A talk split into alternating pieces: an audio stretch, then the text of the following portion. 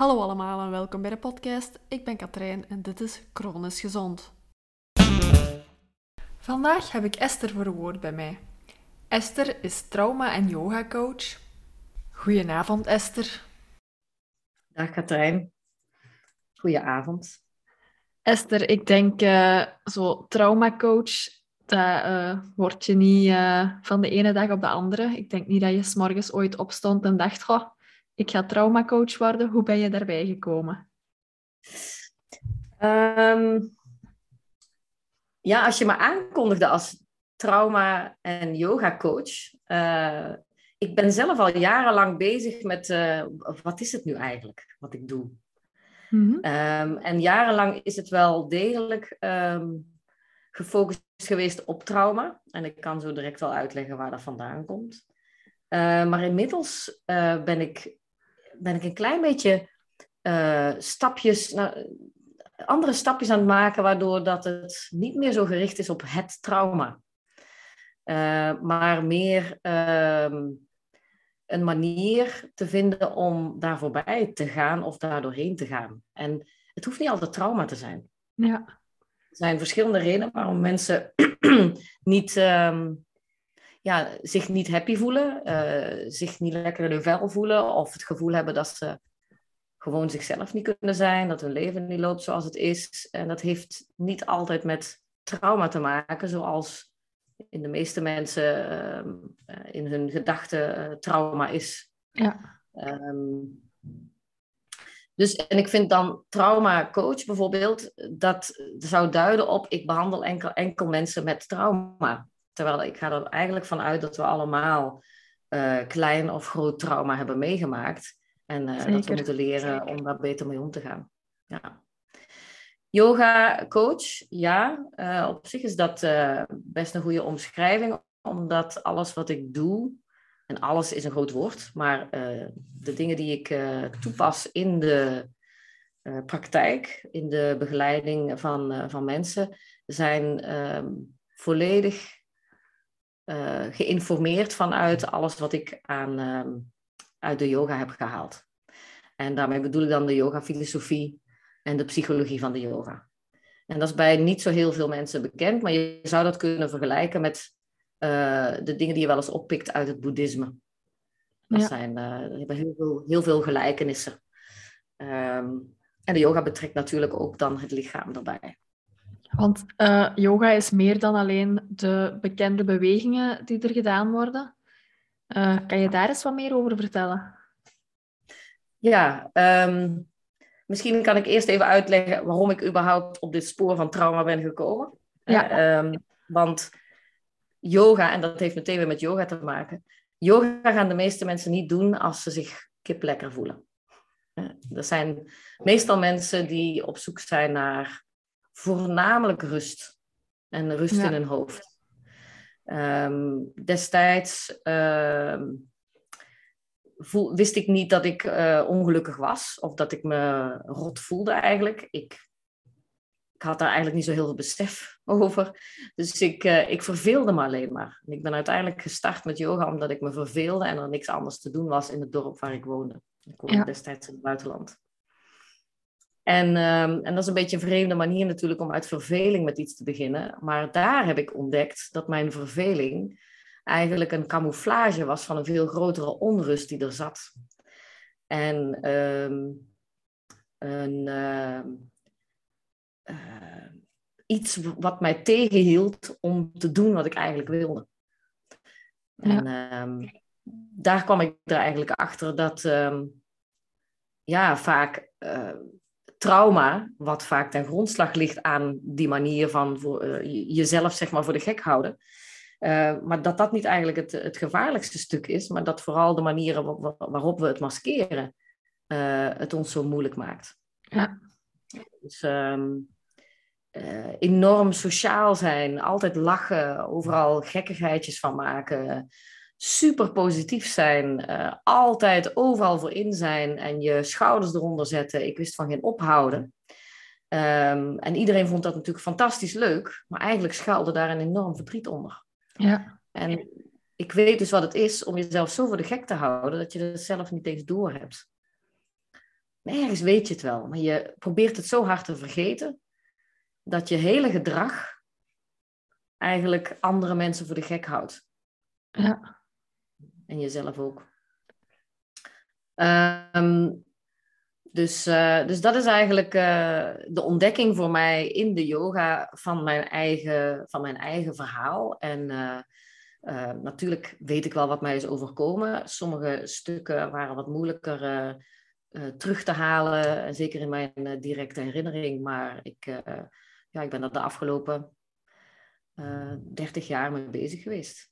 Ja. En, um, ik kom nog steeds dingen tegen van mezelf. Dus, uh, uh, en ja, hebben die hun oorsprong in trauma? Niet allemaal, maar het is een manier waarop je als kind met de dingen omgaat. En, uh, en daarin word je, zal ik maar zeggen, korte de bocht, niet volwassen in. En, en nu werkt dat niet meer als je volwassen bent. En dan kom je dat tegen, dat dat niet werkt. Ja. Dat ik, ja.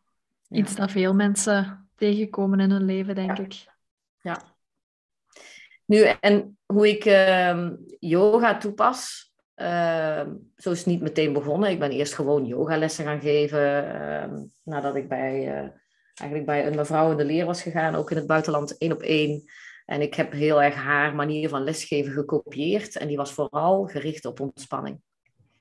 En in het begin kon ik niet ontspannen. Ja. Ik dacht van, allee, wanneer gaan we naar de volgende houding? Allee, wanneer schiet dat hier eens op? en uh, dat ongeduld, in het begin zag ik dat niet. En ik ben echt letterlijk gecorrigeerd door iemand uit, uh, uit de les, die daar al jarenlang les volgde bij haar. En um, ik had niet in de gaten dat ik met mijn vingers aan het trommelen was op de grond van verveling, van ongeduld. En ik moest echt door die mevrouw, zeg maar, toegesist worden van... Hé, hey, wees nou eens stil. en toen was ontdekte ik dat ik dat deed. En natuurlijk komt dan schaamte en oeh jee, en ik, oh, wat doe ik al die tijd? En toen ben ik daarop gaan letten. Ja. Eigenlijk is dat het werk wat ik doe. Ik, het eerste wat ik meestal met mensen doe, is uh, ontdekken uh, ja, in welke mate of hoe dat ze zichzelf tegenhouden om gewoon zichzelf te kunnen zijn. En die maniertjes die je hebt om zeg maar, te bedekken wie je eigenlijk in werkelijkheid bent, die, uh, die zijn als een soort van muur om je heen. En dat is een gevangenis waar je in zit. En um, je daar bewust van worden is een pijnlijk proces soms, hè, waar schaamte ja. bij komt kijken en, en ook schuld. Um, en uh, ik denk, omdat ik die stappen zelf zo bewust heb doorlopen, uh, gedurende een hele lange periode, uh, denk ik dat ik mensen daar ook in kan geruststellen. Hè, dat dat oké okay is. Um, ik denk dat dat voor sommige mensen, alleen voor iedereen ook een beetje nodig is om te groeien in jezelf. Ja. Ja, ja, wat je eigenlijk doet is uh, ongemerkt word je je gewoon bewuster van jezelf. En dat is niet altijd een fijn proces. Hè, soms kom je jezelf heel hard tegen dat je denkt, oei, doe ik dat of ben ik dat? Nou, dan zijn daar ook weer nieuwe lagen in te ontdekken natuurlijk. Uiteindelijk gaat het over complete zelfacceptatie. Dat is waar, het, dat is waar ik met de mensen naartoe werk, uh, waar ik niet altijd de kans voor krijg. Maar als ik die kans krijg, dan gebeuren er fantastische dingen. En dan zullen en, de mensen uh, er ook sterker uitkomen. Ja, nou kan je je voorstellen dat jij jezelf accepteert zoals je bent in al je lelijkheid ook. Dat zou mooi zijn, hè? Ja. Kijk, iedereen heeft, um, iedereen heeft wel een zekere um, stukjes van zichzelf die, ja, die je niet laat zien. Um, en ik vergelijk dat altijd zo uh, als, je, als je jezelf vergelijkt met een huis. Hè, en stel je hebt net een nieuw huis gekocht en je hebt het helemaal mooi ingericht en je houdt een feestje. En ja, je hebt zin om jezelf daarin te laten zien. Hè. En ehm, plotseling denk je dan van ja, maar wat als de mensen dat zien? Dan gaan ze waarschijnlijk gaan ze heel anders naar me kijken. Dan zullen ze me waarschijnlijk niet accepteren. Dus we moeten zorgen dat ze dat niet kunnen zien. Ja. En je gaat dan alles doen om dat stukje van zeg maar, die kamer waar het, je niet wil dat mensen jou zien, want daar zit jouw echte ik. Hè. Daar zit jouw lelijke ik, daar zit jouw uh, gekwetste ik. Ehm, en de mensen mogen dat niet zien, dus je gaat die deur ga je op slot doen. Maar dat is niet genoeg. Je zult er, uh, ja, je, je, moet er meer aan doen, want oeh, stel je voor dat iemand die sleutel vindt of iemand breekt die deur open.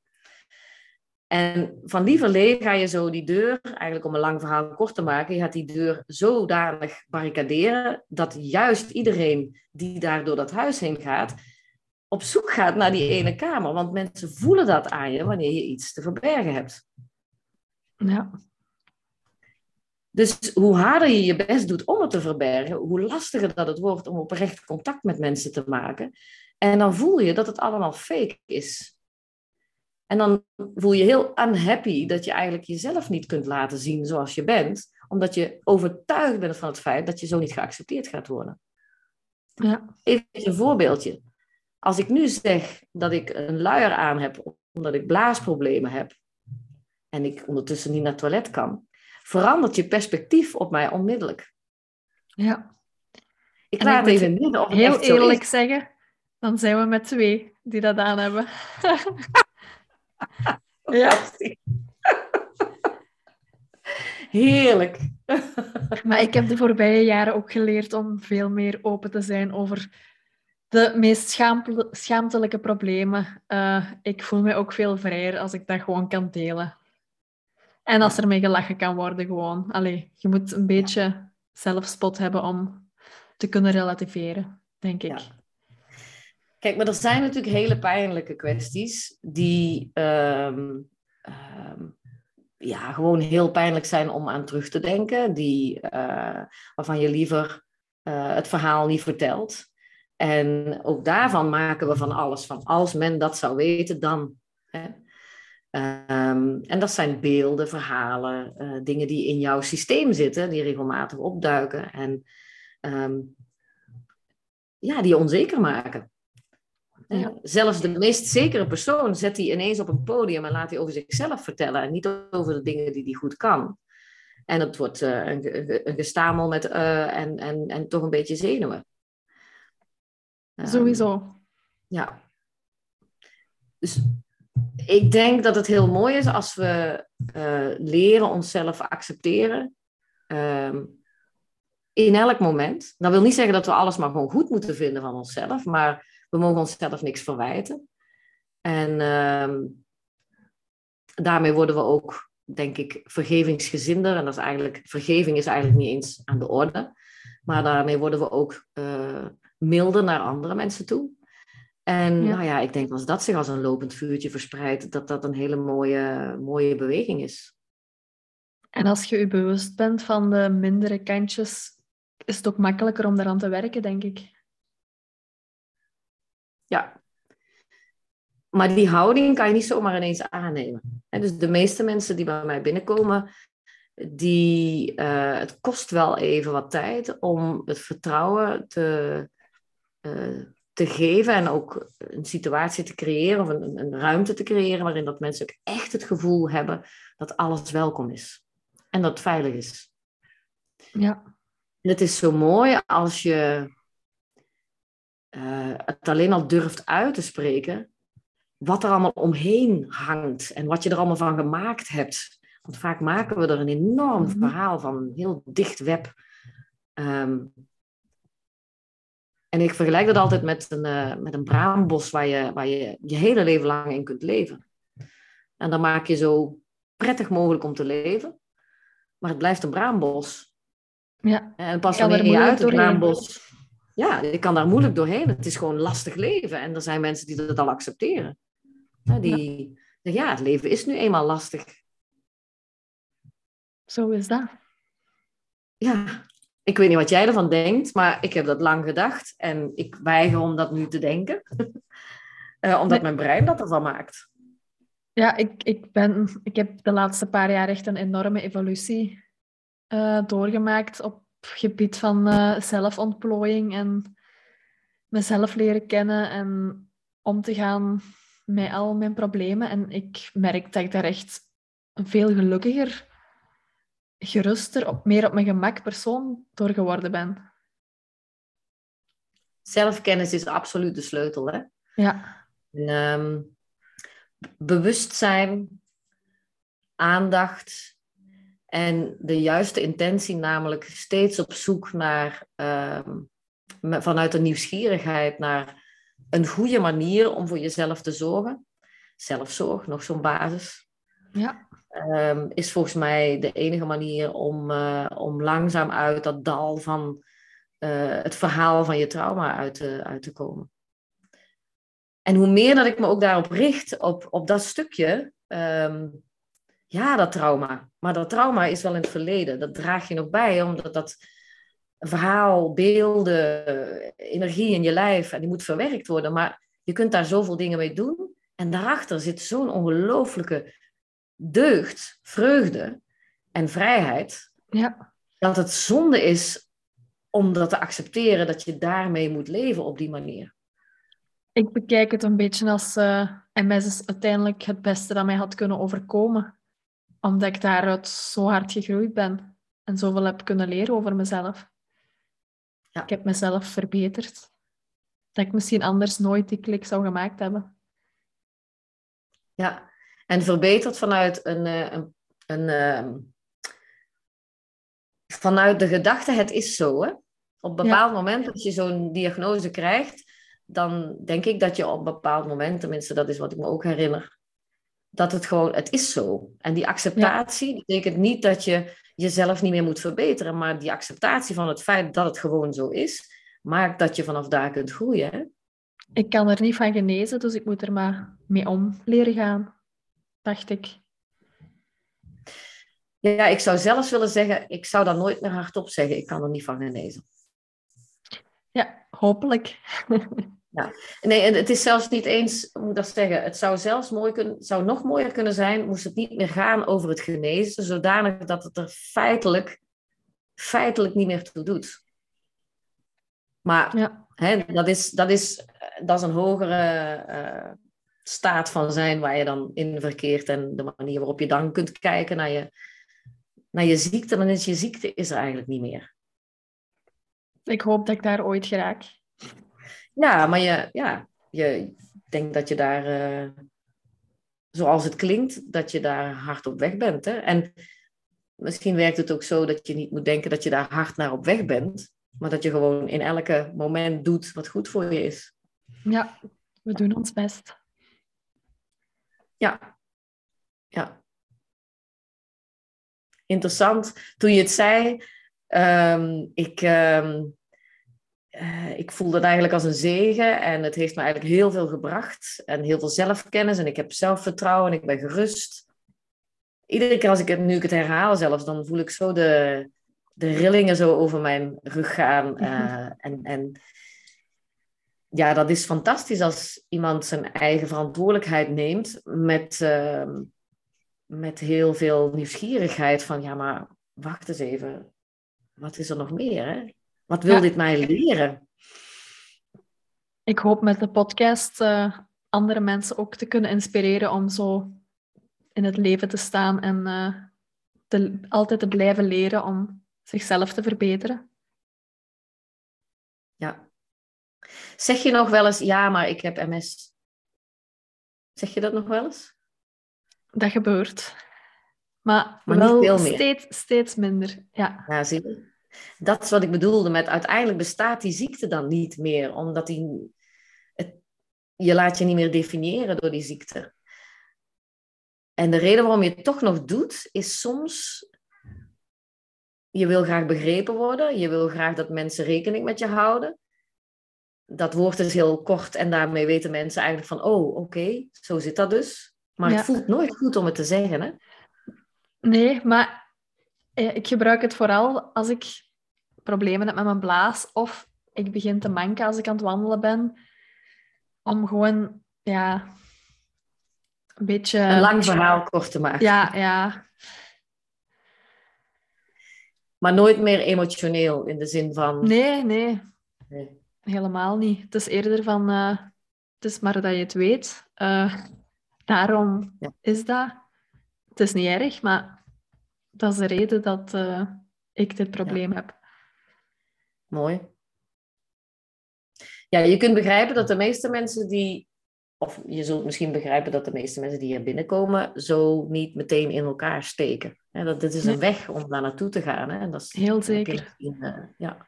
Ik heb mijn diagnose ook al meer dan negen jaar. Dus het heeft ook wel even geduurd om daar te komen. Weet je nog wat je eerste reactie was? Oh nee, een rolstoel. Ja, dat was je eerste reactie? Ja. Ja, dat is meteen het angstbeeld wat op, uh, opkomt, hè? Ja. ja.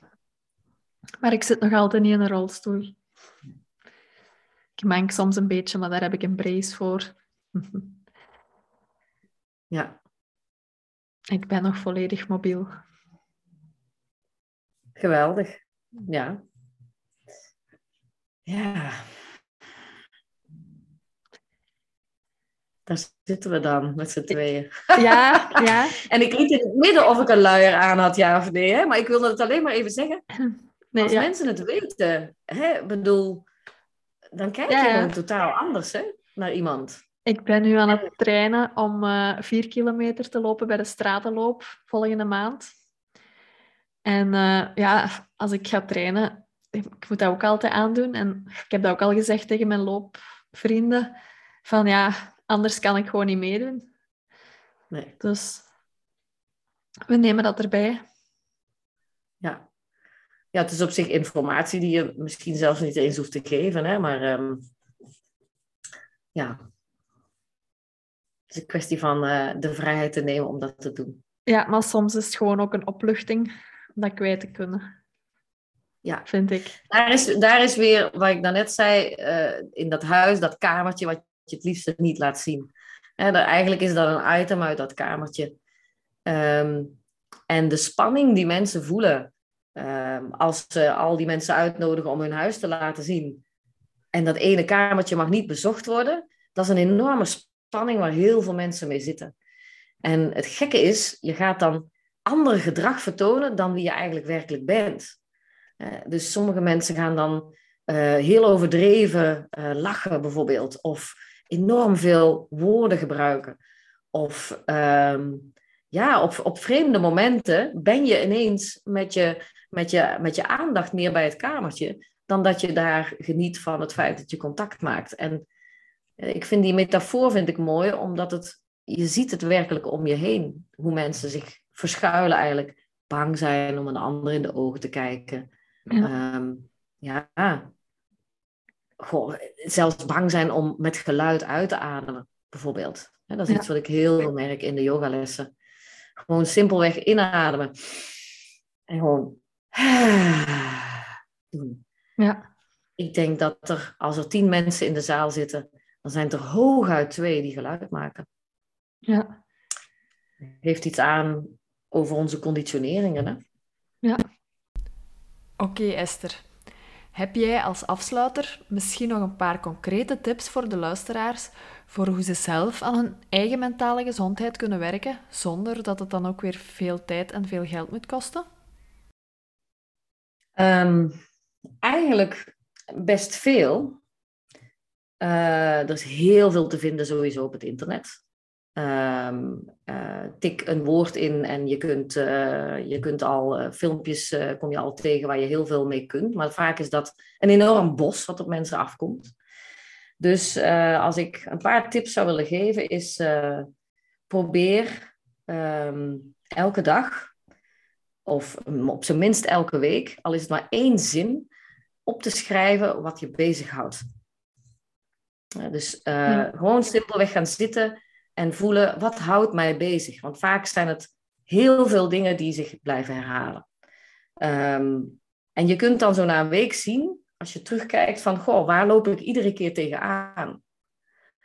En als je, en we noemen dat gewoon journaling, hè, als je er niet van mhm. houdt, hou je het kort. En anders dan schrijf je gewoon zoveel als je kunt op. De manier van schrijven is gewoon heel goed om, uh, ja, om, om de dingen uit je systeem te halen. Want anders blijven ze echt in jouw systeem zitten. Ja. Um, daarnaast denk ik dat, uh, nou ja, wat je zelf al gezegd hebt, dieet en beweging heel belangrijk is. Blijf in beweging, maar doe het bewust. En um, ja, een hele mooie uh, uitspraak van Thich Nhat Hanh, een, een boeddhist, uh, boeddhistische monnik die inmiddels is overleden, maar die een prachtige uitspraak had als de wandelmeditaties die hij dagelijks deed, langzaam wandelen, waren eigenlijk een manier om de aarde te kussen. Dus het zit hem ook vaak in de intentie waarmee je de dingen doet. Als je die anders gaat doen, ga je andere dingen beleven. Ja. En als laatste tip, en dat is niet om mezelf dan weer op podium te zetten, maar ik heb een, uh, een YouTube-kanaal, uh, Dharma Hart. Dharma Hart Sessies geloof ik dat het heet. Zie je, ik weet zelf dat soort dingen vaak niet eens. Uh, en dan ben ik nu met een serie bezig hoe je meer succes in je proces kunt krijgen. Dus hoe je daar oh, meer uithaalt, waar je rekening mee houdt. En dat zijn hele kleine dingetjes. En als je die kleine dingetjes toepast in je leven, maak je al een enorm groot verschil. Want mensen zijn vaak gefocust op het grote stuk, terwijl alle kleine schakels eromheen het verschil maken.